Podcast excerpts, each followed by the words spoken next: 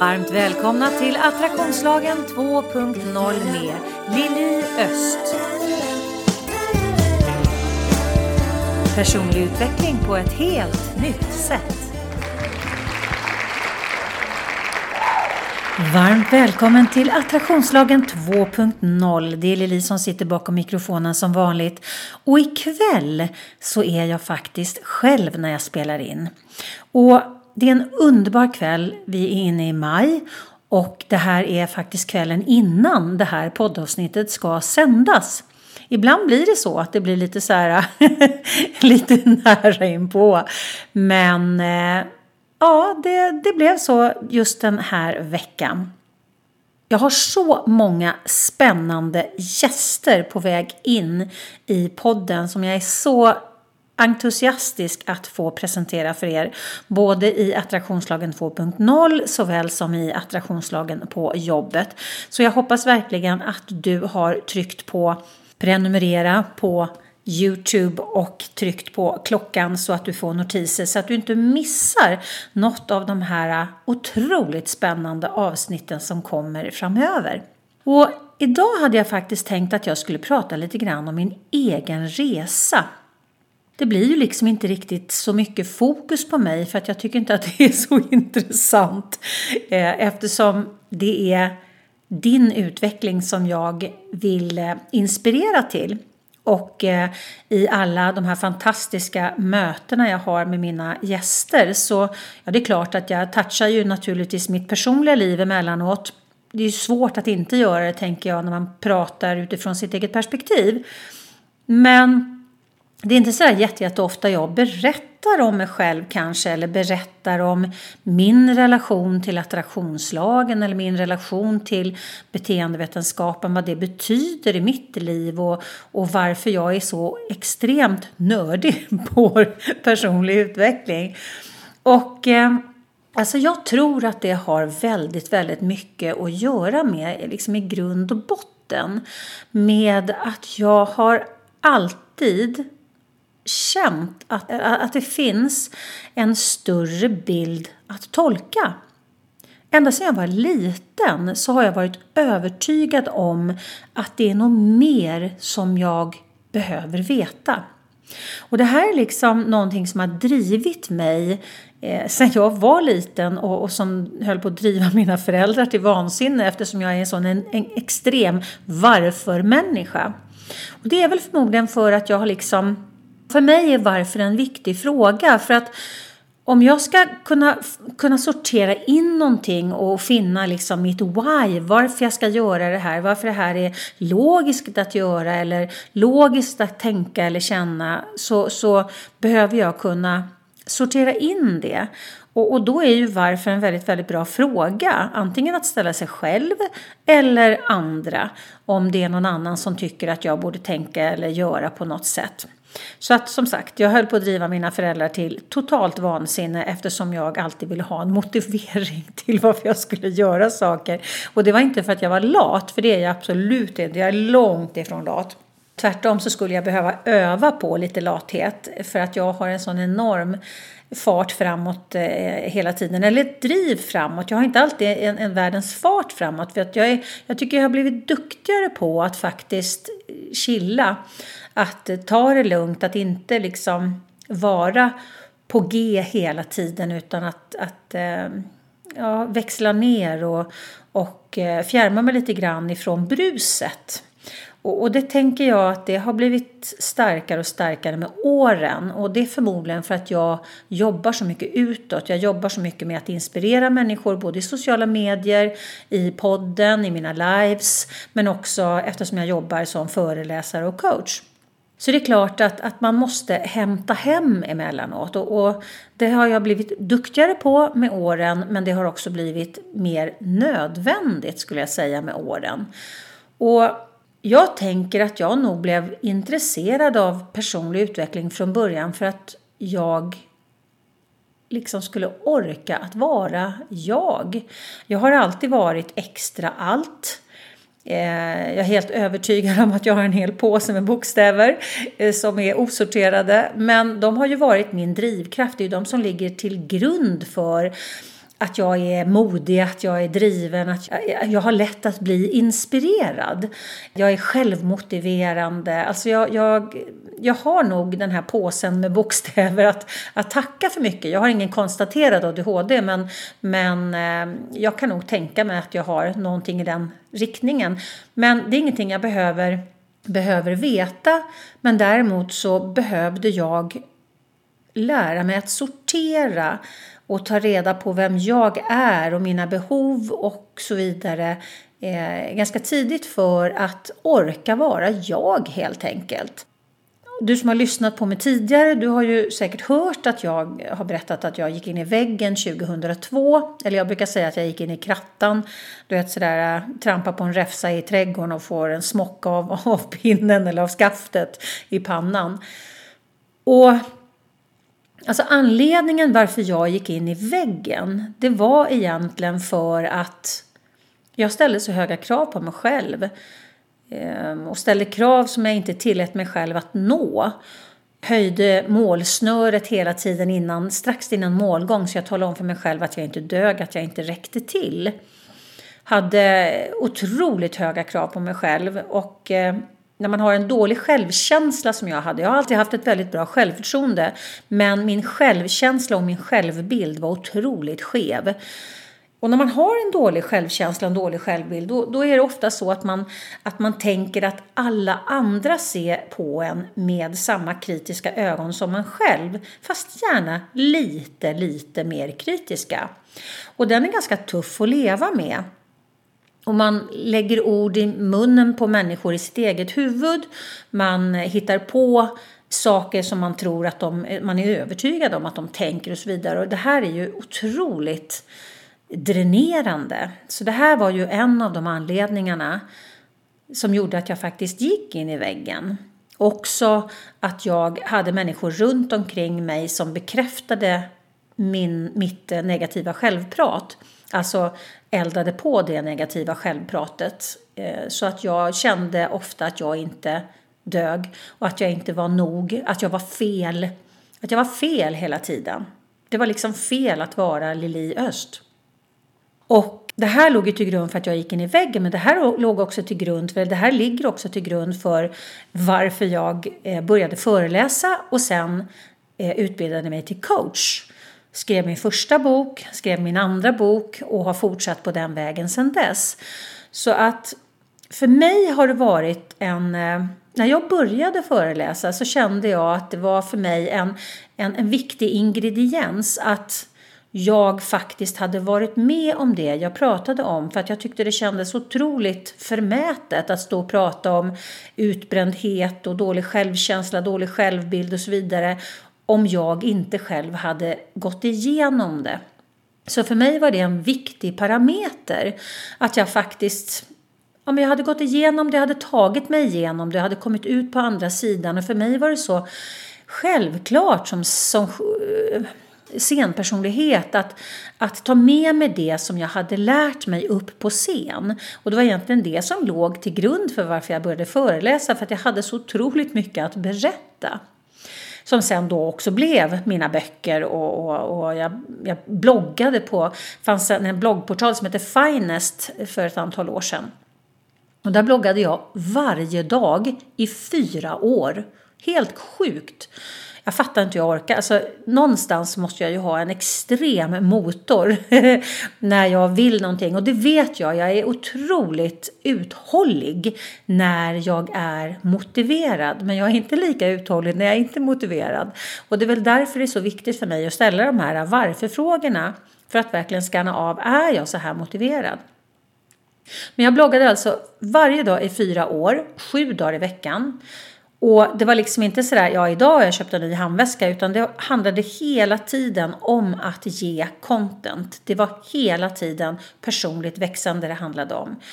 Och eh, det lärde ju mig liksom att, att bli väldigt reflekterande för att jag var ju tvungen att fundera, jag var tvungen att researcha, jag var tvungen att, att, eh, att leta inåt Eh, Eh, för att kunna ha någonting intressant att eh, förtälja i bloggen varje dag, sju dagar i veckan i fyra år. Men det blev ju också en väldigt bra utbildning och utveckling för mig som människa tänker jag. Så det är absolut ingenting som jag vill ha ogjort men, men till slut så kände jag så här, nej, det här kanske inte är det jag ska syssla med i den här digniteten i alla fall. Men eh, så gick jag ju över till poddandet och nu har jag ju poddat varje vecka i tre år snart.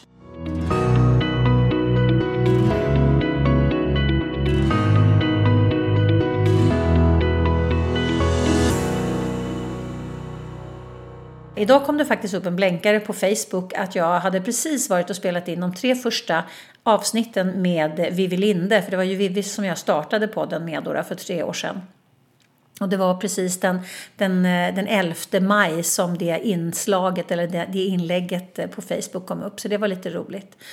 Men för att gå tillbaka eh, till i början av 80-talet, då var jag i 20-årsåldern och, och det var där egentligen min fäbless för eller rättare sagt, man, inte fäbless heller, utan det var liksom mitt sökande efter den här större bilden som gjorde att jag började söka eh, på den tiden så, så hette det ju då, då eh, new age. Det var verkligen plingplongfacket då. I dagens läge är det lite mer comme få. Det är mer människor. Den, den kritiska massan har nu definitivt passerats.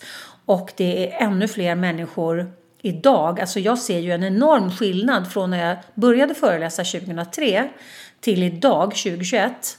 Så ser ju jag en enorm skillnad på Eh, intresse för just attraktionslagen och det poppar upp eh, eh coacher till höger och vänster. Det poppar upp eh, eh människor som, som eh, har förstått vidden och vikten av att blanda in attraktionslagen med psykologi och beteendevetenskap. Och det gläder mig otroligt mycket för att det är det här som jag har vurmat för. Men man kan nog faktiskt säga att jag och, och några få med mig har, har gått i bräschen för det här i, i, i ganska många år i en ganska tuff uppförsbacke skulle jag säga. Och sen har ju jag liksom, jag har inte jag har ju valt att inte prata för de inom situationstecken frälsta. Utan jag har ju valt att gå in i corporate-världen och prata de här sakerna som verkligen har varit pling-plong eh, i en 90 graders vinkel värld. Men jag vet ju att det är så mycket saker man kan vinna på att zooma ut och sätta på sig ett par såklart-glasögon. Eh, för dig som inte har hört talas om såklart förut så är ju såklart-metoden är den metodiken jag jobbar utifrån som, som coach och föreläsare och podcaster och författare och så vidare.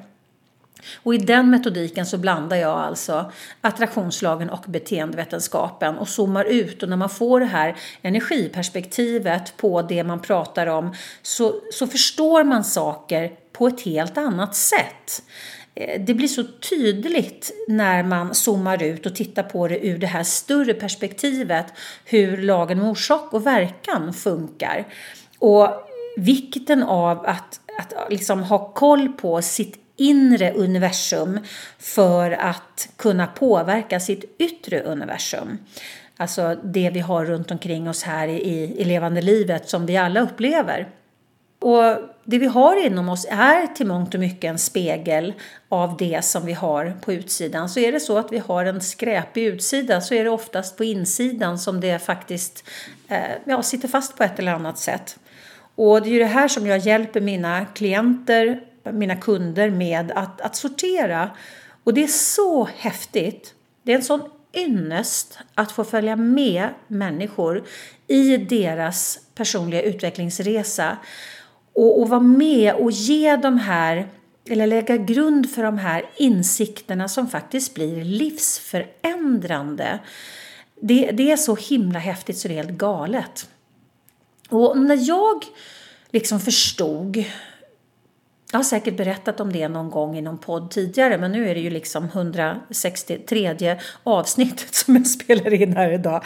Så att det kan ju vara så att jag möjligtvis har upprepat mig lite granna. Och jag började som sagt att läsa eh, om ja, attraktionslagen, ljusets kraft, eh, healing, gudinnorna inom oss, uh, you name it. Det var liksom 11 miljoner hyllmeter eh, böcker eh, om massa olika eh, varianter från tidigt 80-tal. Och jag tyckte att jag hade rätt bra koll liksom på vad attraktionslagen var för någonting, eh, vår interaktion med den och så vidare. Jag tyckte att jag hade ganska bra koll på den. Tills jag läste tre böcker i en följd. Och, och jag började ju som sagt att, att fördjupa mig i det här i början av 80-talet. Och det var inte förrän 2006 när boken The Secret och filmen The Secret kom som jag förstod att jag inte hade förstått det jag behövde förstå på djupet för att verkligen eh, liksom få koll på vår interaktion med attraktionslagen. Så att jag hade hållit på i, i eh, nästan 20 år och läst om det och tyckte att jag hade rätt bra koll på det. Men under de här åren så utvecklades jag ju också naturligtvis otroligt mycket.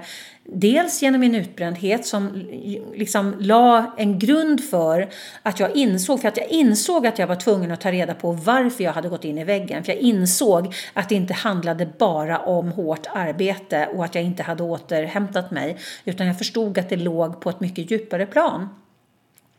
Så att jag satte igång och verkligen arbetade med mig själv.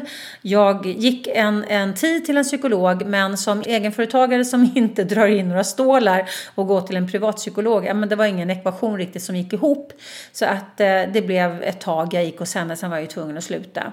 Men samtidigt gick jag också till en, eh, en rosenterapeut för det är väldigt bra nämligen att göra healing, alltså rosenterapi är ju en typ av healing jag har alltid eh, tyckt om att, att eh, blanda in det i mitt liv. Jag har testat det mesta, eh, måste jag säga, eh, inom healing, olika healingsorter. Eh, jag, jag, eh, jag tycker att det är spännande att testa alternativa saker och framför allt så är det väldigt, väldigt bra att kombinera kognitiv terapi med kroppsterapi för att man jobbar på så olika plan med, eh, med kropp och själ.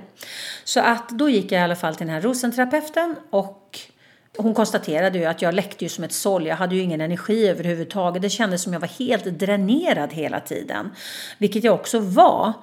Eh, och eh, hon sa nej men alltså du, du, får, du får inte göra någonting. Du får inte ens plocka ur diskmaskinen. Du behöver bara återhämta dig. Och det är ju väldigt lätt att säga till en människa som har två små barn hemma och en man som reser hela tiden. Det var liksom inte riktigt så här, hej älskling, du min rosenterapeut har sagt att jag får inte göra någonting utan du ska göra allting. Det var liksom inte riktigt eh, den dialogen jag eh, såg möjlig överhuvudtaget. Så att eh, jag hade ju inte riktigt tid att vara sjuk och, och, och klen och svag och det där utan jag försökte ju som jag alltid gör vara lite effektiv. Och tänkte så här, ja men jag får ju vara lite street smart här så att jag får ju göra det här lite effektivt nu så att jag inte blir liksom sjuk för länge. Eh, för att det har jag inte tid eller råd med eftersom jag är egenföretagare. Så att jag var jätteduktig. Jag, eh, jag låg och sov jättemycket. Jag grät otroligt mycket. Eh, jag tänkte väldigt mycket. Precis under den här tiden så hade Eh, Dr. Phil kommit ut med sin bok Livsstrategier som också hade en arbetsbok med sig. Och den köpte jag och plöjde och han ställde massor av spännande frågor. Och eftersom jag är en varför-människa så gick jag igång naturligtvis i 180 på den boken. Och den var faktiskt i mångt och mycket inspiration till min första bok Jag blir vad jag tänker. Där jag ställer en jädrans massa frågor utifrån mitt perspektiv då där jag blandar beteendevetenskapen och attraktionslagen. Något som dock inte då Dr. Phil gör, men han, han gav mig en inspiration med just att ställa de här frågorna. Att titta på saker och ting från ett perspektiv som man inte vanligtvis brukar se livet igenom. Och det var otroligt nyttigt nyttigt eh, faktiskt att, eh, att göra de här övningarna. Så att jag, jag skrev, jag läste, och jag grät och jag sov. Jag skrev, jag läste, jag grät och jag sov. Jag höll på det. Och, och liksom, jag tyckte jag var så duktig med min återhämtning. Självklart, alltså jag hade ju ungarna och, och, och sådär också. Men, men mycket när de var på dagis så, så passade jag på att, att, eh, att fokusera på mig själv. Och efter de hade gått och lagt sig, min, min man som sagt han reste ju hela tiden så han var inte speciellt mycket hemma. Men jag kom i alla fall tillbaks till den här rosenterapeuten glad som fasen och stolt över mig själv. Att jag hade gjort ett sånt excellent jobb med mitt tillfrisknande. Och jag berättade med stolthet i rösten vad jag har sysslat med de här två senaste veckorna sedan jag såg henne sist. Och hon blev helt skogstokig och bara, nej men alltså är du helt dum i huvudet? Fattar du ingenting? Nu försöker du vara en duktig flicka i ditt tillfrisknande. För jag var en extremt duktig flicka. Och den här duktiga flickan kunde ju liksom inte riktigt släppa taget. Det var ju en av dem också av, av de anledningarna varför jag gick in i väggen för att jag var så en enormt duktig flicka. Och jag var en tillagsare av rang. Vilket gör att när man är en tillagsare då tar man ju hela tiden reda på liksom hur ska jag vara för att jag och vem det nu är eh, ska ha en fantastisk, fantastisk relation. Och det här gör man ju liksom med alla runt omkring sig. Och ingen runt omkring oss vill ju ha samma sak av oss utan alla har ju sin unika liksom önskan med hur man ska vara och möta dem för att man ska ha liksom den bästa relationen. Vilket gjorde att jag blev en, en kameleont som hela tiden liksom gick på, på inringning av andra. Det var ju liksom inte, jag hade ju aldrig tid på att fundera på hur jag skulle vara mitt bästa jag eftersom jag hade fokus på hur jag skulle vara för att alla andra skulle vara så jävla nöjda med mig hela tiden. Och det var ju också en, en stark bidragande orsak varför jag gick in i väggen för att det är inget hållbart sätt att leva. För den bekräftelsen man får utifrån och, och den bekräftelse som jag fick för att jag har ju alltid som sagt haft ett väldigt gott självförtroende så att jag har hela tiden satt mig själv och jag är väldigt orädd som människa. Så att jag har alltid liksom sökt upp och skapat eh, spännande situationer, gått in i jobb som jag absolut bara, inte haft någon koll på men har liksom verkligen skapat along the way. Learning by doing har, har varit en stor del av mitt liv. Men jag räds inte av det för att jag, jag tycker att det är lite spännande att, att utmana mig själv och, och lära mig nya saker och, och hitta nya vinklar och sådär. Så att, att, och jag är en väldigt eh, self-made människa. Jag är autodidakt i princip i det mesta jag gör. Jag är utbildad coach, eh, jag är utbildad eh, dekoratör men resten jag har gjort i hela mitt liv är jag autodidakt i. Och, eh, så att det är ju liksom min läggning som människa så att jag räds inte för det på något sätt. Men allt det här bra som jag drog till mig tack vare att jag hade ett gott självförtroende och eh, liksom var modig och hade ett driv. Det sabbade jag ju hela tiden med min dåliga självkänsla och mitt dåliga självförtroende. Så att alla de här bra sakerna som jag själv drog in de förstörde jag själv också genom att liksom förminska mig själv och, och verkligen inte ta plats. Jag tyckte det liksom, ja men, jag slog mig aldrig, verkligen aldrig för bröstet utan, utan gjorde saker och så tyckte jag liksom någonstans att det var ingenting att orda om. Och det är ju ingenting som bygger någon självkänsla direkt eh, eller bygger någon, någon eh, det bygger ju inte heller ett förtroende för människor runt omkring när man liksom inte själv ser att man faktiskt har ett värde. Hamnar du lätt i negativa tankemönster? Tar du ut oro i förskott? Känner du att livet skulle kunna vara så mycket mer men du vet inte hur du ska komma vidare? Då är onlinekursen Ta kontroll över ditt liv med såklart-metoden precis vad du behöver. Du hittar den på liliost.se.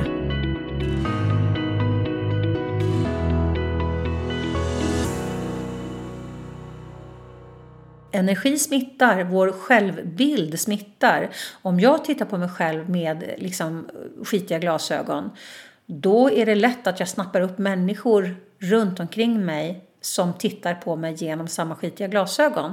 För att om man tittar på hur attraktionslagen funkar, lika attraherar lika, när man går omkring med den typen av fokus på sig själv hela tiden, då är det väldigt lågfrekvent. Och när man är lågfrekvent, då ligger man på en låg frekvens och sänder och där drar man inte till sig några härliga människor eller happy-go-lucky situationer. Utan där drar man till sig ganska mycket krångel, trubbel och människor som faktiskt eh, någonstans liksom speglar den bilden man har av sig själv. Så när jag läste de här tre böckerna som jag började prata om för en liten stund sedan. Det var då två stycken böcker som handlar om krisens alla olika faser. Den första hette Det kan bara bli bättre. Den andra hette, eller heter fortfarande, eh, Sumo. Eh, och det står för Shut Up Move On. Fantastiskt bra bok. Och den tredje var då The Secret. Och i den här konstellationen, de här tre, och i den fasen jag var inne i då, gjorde att jag helt plötsligt förstod att jag inte hade förstått det som var väsentligt att förstå.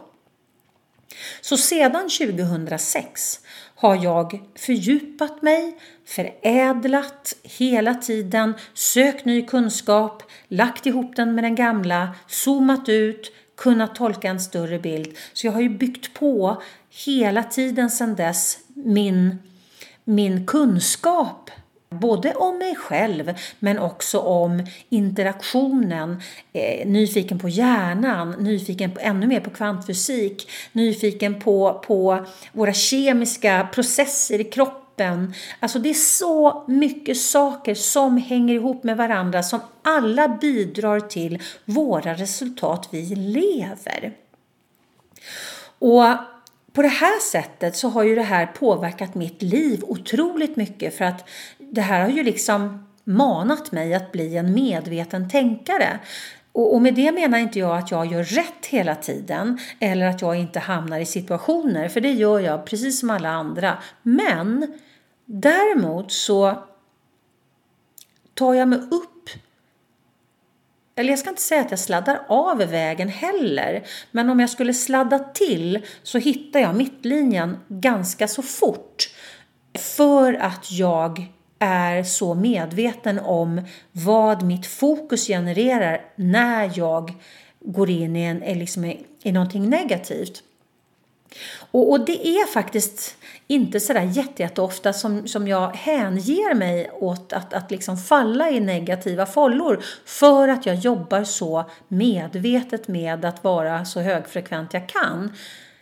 Men det är klart att livet bjuder citroner ibland. Det är helt klart. Och jag menar om vi tittar på covid och hela den här perioden så har ju den varit liksom rent ekonomiskt för både mig och, och otroligt många andra som verkar i branscher som har blivit väldigt på, liksom påverkade. Det är klart 17 gubbar att jag har haft bajspåsedagar. Nej, det ska jag inte säga. Jag har inga bajspåsedagar. Jag kan ha bajspåsestunder, men, men inte en hel dag. Och, och, och, det tror jag faktiskt är på grund av att jag har jobbat så mycket med mig själv och är medveten om vikten av att vara en medveten tänkare och medvetet välja liksom i vilket tillstånd jag vill befinna mig. Vilket gör att jag är ofta glad. Eh, jag har också, alltså jag, jag skapar ju väldigt mycket strukturer och modeller för att för mig är det så viktigt och jag har märkt att det är viktigt även för mina klienter och mina läsare för att eh, tankar och känslor och, och, och framförallt attraktionslagen, det är så abstrakt. Så att för att liksom kunna få ut någonting vettigt som som man kan använda hands-on här och nu i livet och inte bara liksom bli en påse eh, cool vetskap som man sen inte vet vad fan man ska göra av och så liksom lägger man det längst bak i en garderob och så har man fortfarande inte gjort någon förändring i sitt liv för att man fattade inte hur man skulle liksom använda alla de här coola sakerna och, och de här spännande sakerna som, som, som faktiskt kan läsa sig till. Så jag har liksom, min vision hela tiden har nog varit att förenkla. Jag har läst 11 miljarder hyllmeter böcker med böcker om, om eh, eh, personlig utveckling, ljusets kraft, tankens kraft, eh, alla krafter i världen. Eh, Ho'oponopono, mindfulness, the field, eh, kvantfysik, eh, eh, nollpunktsfältet. Alltså jag är otroligt intresserad av så, så, så brett, alltså ett sånt brett spektrum av, av, eh, av, av, av olika områden för att när jag ser att jag lägger ihop saker som man inte brukar kanske lägga ihop så får ju jag kan jag ju liksom se en, en ny bild som, som kanske inte alla ser men helt plötsligt så ser jag sammanhang som jag kan eh, eh, lägga fram för mina klienter, läsare, lyssnare och så vidare. Vilket gör att, att då börjar ju liksom fler människor tänka i ett annorlunda perspektiv. För att det är så lätt att alla går in i samma tankefållor. Vi är uppvuxna på ett sätt, vi är uppvuxna att tänka på ett sätt i skolan, vi är uppvuxna på att tänka på ett sätt. Eh, vi har fortfarande Jante och Luther. Eh, jag är ju då 58 år. Mina föräldrar hade definitivt jantelutter. Jag har definitivt med mig lite jantelutter, men det har ju jag liksom, de har jag ju tagit koll på under de här åren. Så jag tror inte att jag för så mycket jantelutter över till mina barn. Men det är fortfarande väldigt många i min generation som faktiskt gör det. Vilket betyder att ungar i 20-30 års ålder i dagens läge fortfarande går omkring och bär på Jante fast de inte har någon aning om vem, alltså vad Jante eller Luther är eller vilka de var. Och det här är så viktigt tänker jag för att kunna eh, ta kontroll över sitt liv och kunna levla upp om man har hamnat i, i en, en, period i sitt liv där man tycker att livet suger eller om man har hamnat i en lång eh, räcka av olyckliga händelser. Man tycker bara att jag drar bara till med skit hela tiden. Och så blir man inte medveten om att det är inåt jag behöver blicka för att kunna förändra min utsida. Och det är ju det jag vurmar för, att hjälpa människor att inse och eh, hjälpa människor att göra för att det är det enda sättet vi kommer framåt på ett nytt sätt, det är att skapa en förändring inne i oss själva. Så vi ändrar våra förhållningssätt, vi, vi eh, eh Eh, lyfter upp saker som ligger i vårt undermedvetna som vi inte har någon aning om ligger och begränsar oss, begränsande sanningar, eh, paradigm som vi lever efter, eh, andras sanningar som vi inte har någon aning om att vi lever efter men som vi ständigt eh, upprepar. Alltså det finns så mycket saker som ligger i vägen för våran egen blomning och våran egen förträfflighet utan att vi vet om det, att det är där det ligger. Det ligger inte utanför oss själva, det ligger innanför oss själva. Och det är det här som är så otroligt spännande att jobba med och att jobba med sig själv med. Och även om jag har varit i process de senaste 25 åren så har jag faktiskt gått in i en ny fas som jag satt igång nu här under covid. Och, det är faktiskt någonting som jag kommer bjuda på tillsammans med de två. Jag har ju nämnt det här tidigare att jag jobbar tillsammans med Ann Henemo och Silvi Varg. Silvi är, eh, hon är healer och zonterapeut och eh, jobbar med någonting som heter Quantum Touch. Och Ann är också healer. Hon är, jobbar med instant transformation och hon har gått utbildning hos Mikael Sävlund som har varit gäst här i podden tidigare.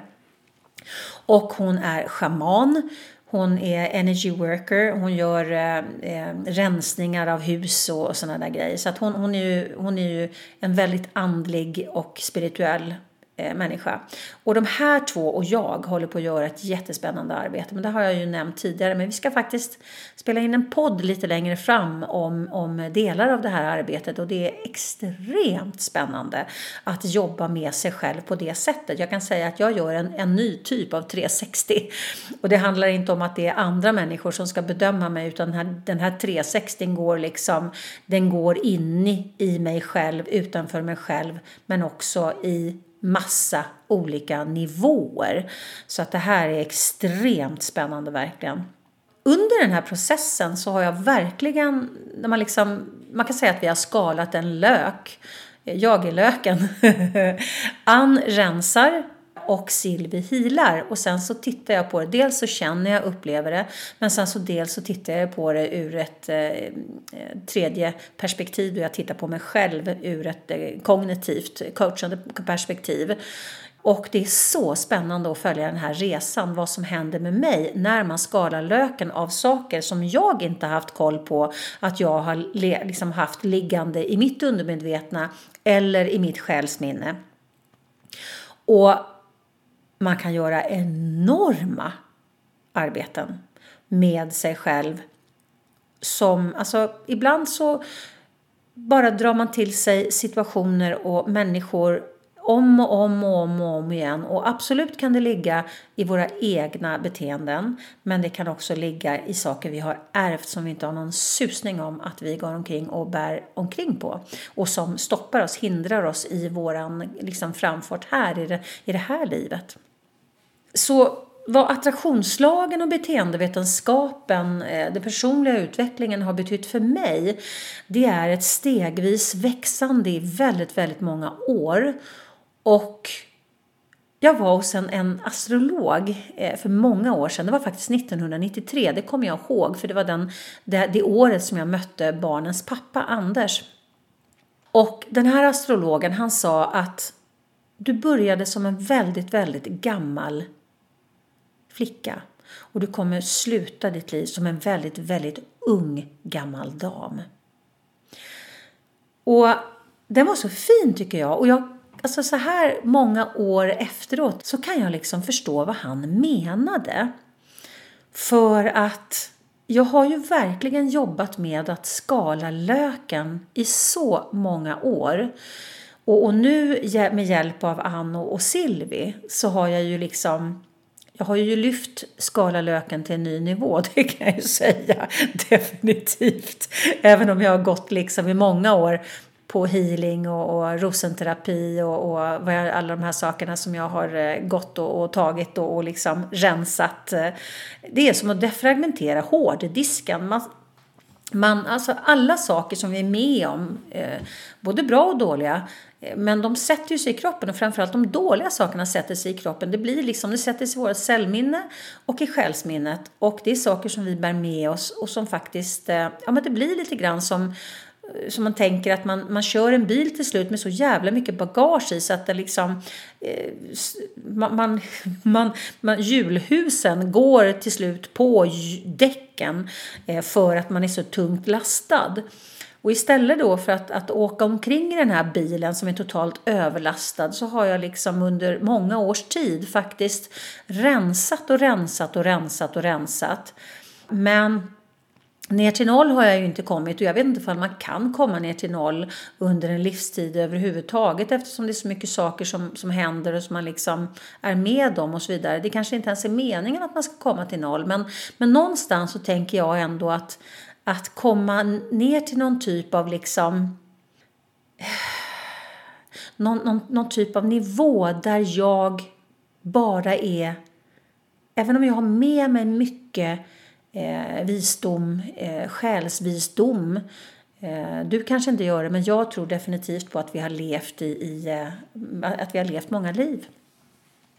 Och eh, om man liksom kommer fram till eh, den punkten att att man, liksom, man har all den här samlade visdomen men man har rensat bort skiten som ligger i vägen så att, att man är en clean slate, att man är här och nu.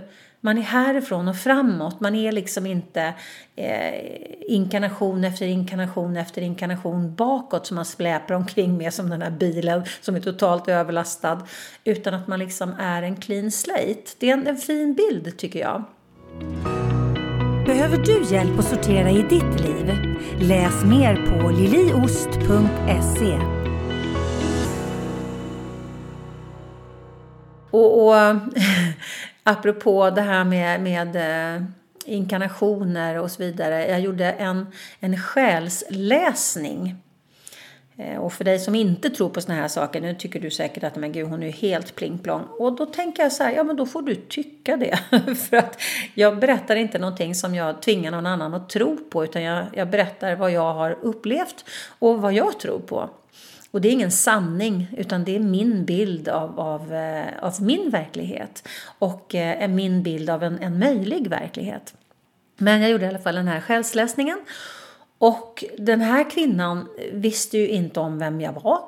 Hon hade ingen aning om vem jag var, hon vet inte vad jag gör, hon har ingen koll på min bakgrund, ingenting, ingenting, ingenting. Och så gör hon den här eh, själsläsningen som det kallas då, att man, att man går in och, och läser liksom en, ens själs eh, eh syfte.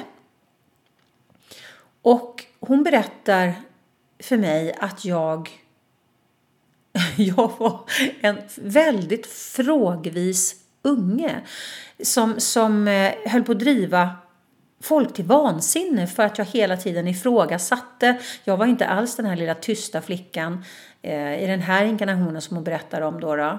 Eh, och i flera inkarnationer har jag varit samma typ av människa. Och det är tydligen ett, ett genomgående tema. Eh, och att jag redan i 15-årsåldern slog mig eh, tillsammans med någon klan som arbetade för att få folk att tänka annorlunda, att tänka till, att se saken ur ett annorlunda perspektiv. Så redan då gjorde jag det som jag vurmar för att göra idag. Det är rätt intressant, tänker jag. Och just det här med att jag var en liten flicka som höll på att driva alla vuxna till vansinne för att jag, jag bara liksom vände upp och ner på allting, stäng, ställde skitknepiga frågor, ifrågasatte, Eh, hade åsikter och så vidare. Och det är ju precis jag, jag i ett nötskal, även i den här inkarnationen. Så det är rätt spännande faktiskt. Men jag kände bara så här, ja, kanske därför är så starkt till mig det här med att jag vill hjälpa människor att eh, kunna zooma ut för att kunna tolka den här större bilden och sätta sig själv i en större kontext för att vi är så mycket mer, tänker jag, än vi någonsin tillåter oss att vara. På så många olika plan. Eh, och, och det tycker jag är så spännande att att jobba med att hjälpa andra att, att inse att de är så mycket mer än de någonsin har trott. Och, och vi har så mycket mer kapacitet än vi någonsin har tillåtit oss själva att ha. Så att, eh, ja, det, det är en liten eh, del av min resa. Jag hoppas att eh, att den inte låter helt galen för dig och gör den det, ja, men då får den väl göra det för det här är en del av min resa och det är ingenting som jag ber om ursäkt för och jag säger inte att det här är den enda vägen men jag säger att det är en möjlig väg fram. Och för mig har den betytt otroligt mycket för att den människan som jag är idag kontra den människan jag var innan jag började arbeta med min personliga utveckling på ett mycket djupare plan. Alltså det är väsensskilt. Och det handlar inte bara om att jag är äldre utan det handlar faktiskt om att jag har en helt annan inställning till livet och eh, har ett helt annat förhållningssätt till vem jag är, Eh, min kapacitet, vad som är möjligt och så vidare. Så att det händer mycket på insidan av oss själva när vi vågar approchera den biten. När vi vågar gå in i de här svåra frågorna, när vi vågar ställa de här knasiga frågorna ur konstiga perspektiv och liksom zooma ut och se bilden, en större bild av oss själva och bara wow, alltså det är så häftigt när man inser att det är man själv som ligger i vägen för sig själv vilket gör att det är också man själv som kan kliva åt sidan och släppa fram sig själv i sin fulla kraft. Och, och det hoppas jag verkligen att jag kan inspirera dig där ute att göra. Att du väljer en, en bra väg fram för dig. Och, och, är det så att du behöver min hjälp så vet du definitivt var du ska hitta mig någonstans. Du kan gå in på min hemsida liliost.se. Du kan lyssna, fortsätta lyssna på mina poddar som, som är gratis. Du kan fortsätta att lyssna på mina lives som är gratis på, på Youtube på måndagmorgnarna.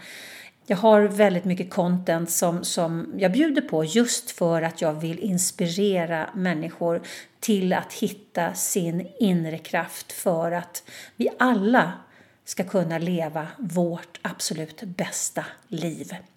Och med de orden så säger jag tack för mig idag och önskar dig en fantastisk fortsatt vecka. Hej då! Du har lyssnat på Attraktionslagen 2.0 vill du supporta podden, gå in på liliost.se supporter. Och tycker du att det vi pratar om här i podden är viktigt, dela gärna i dina kanaler. Tänk efter lite grann. Hur har du det omkring dig nu? Är du nöjd? Är du nöjd var är du i ditt liv? Har du funderat på att ta ett annorlunda kliv? Känner du som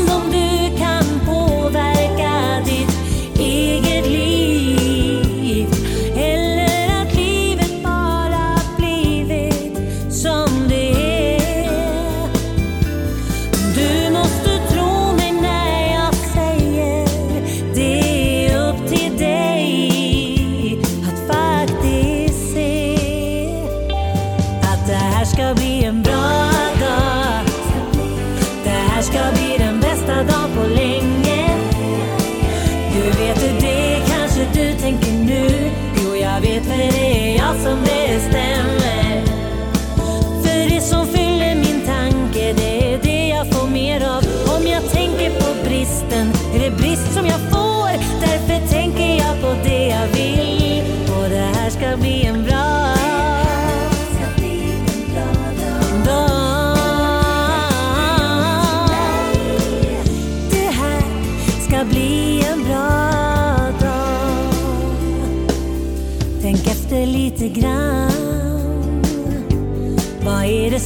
tänker på allra mest? Det du har eller inte har. Vem är du i ditt liv? Och har du tagit ro?